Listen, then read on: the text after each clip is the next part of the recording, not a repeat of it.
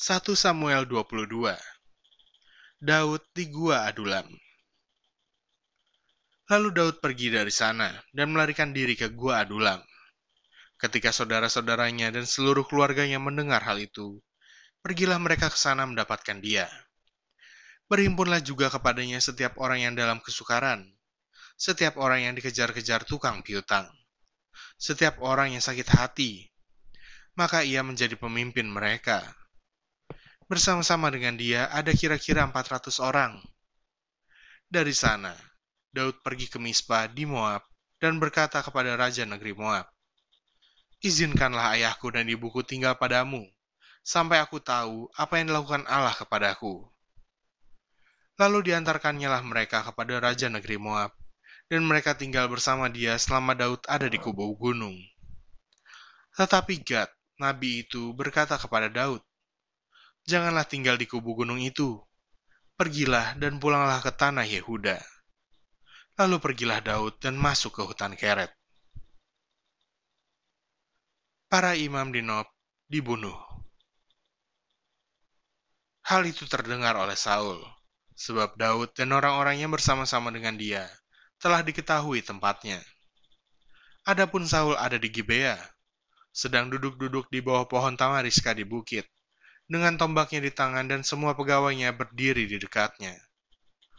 Lalu berkatalah Saul kepada para pegawainya yang berdiri di dekatnya, Cobalah dengar ya orang-orang Benyamin.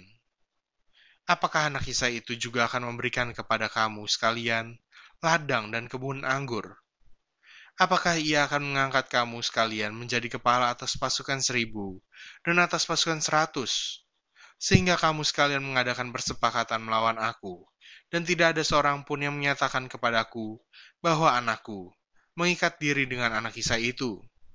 Tidak ada seorang pun dari kamu yang cemas karena aku, atau yang menyatakan kepadaku bahwa anakku telah mengasut pegawaiku melawan aku, menjadi penghadang seperti sekarang ini.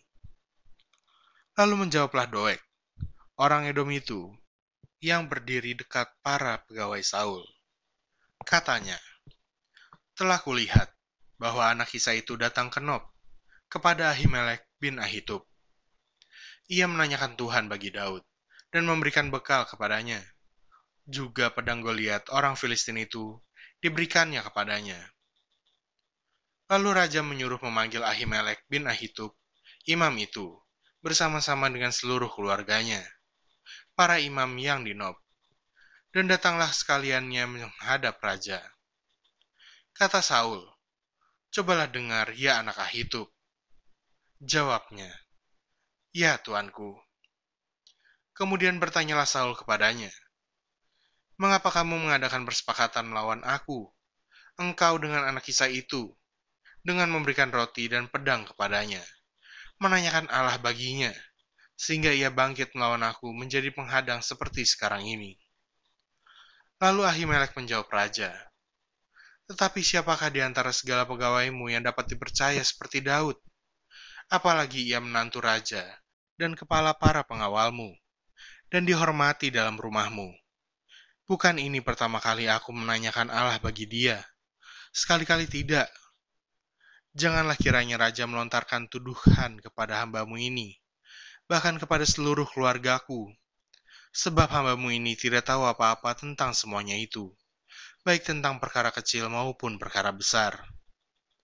Tetapi raja berkata, Engkau mesti dibunuh, Ahimelek, engkau dan seluruh keluargamu. Lalu raja memerintahkan kepada bentara yang berdiri di dekatnya, Majulah dan bunuhlah para imam Tuhan itu, sebab mereka membantu Daud. Sebab walaupun mereka tahu bahwa ia melarikan diri, mereka tidak memberitahukan hal itu kepadaku. Tetapi para pegawai raja tidak mau mengangkat tangannya untuk memarang imam-imam Tuhan itu. Lalu berkatalah raja kepada Doeg, Majulah engkau, dan paranglah para imam itu. Maka majulah Doeg, orang Edom itu, lalu memarang para imam itu ia membunuh pada hari itu 85 orang yang memakai baju efod dan kain lenan. Juga penduduk Nob, kota imam itu, dibunuh raja dengan mata pedang, laki-laki maupun perempuan, kanak-kanak maupun anak yang menyusu, pula lembu, keledai, dan domba dibunuhnya dengan mata pedang. Tetapi seorang anak Ahimelek bin Ahitub, namanya Abiatar, luput. Ia melarikan diri menjadi pengikut Daud. Ketika Abiatar memberitahukan kepada Daud bahwa Saul telah membunuh para imam Tuhan, berkatalah Daud kepada Abiatar, Memang pada hari itu juga, ketika Doeg, orang Edom itu ada di sana, aku telah tahu bahwa pasti ia akan memberitahukannya kepada Saul. Akulah sebab utama daripada kematian seluruh keluargamu. Tinggallah padaku. Janganlah takut, sebab siapa yang ingin mencabut nyawamu, ia juga ingin mencabut nyawaku. Di dekatku, engkau aman.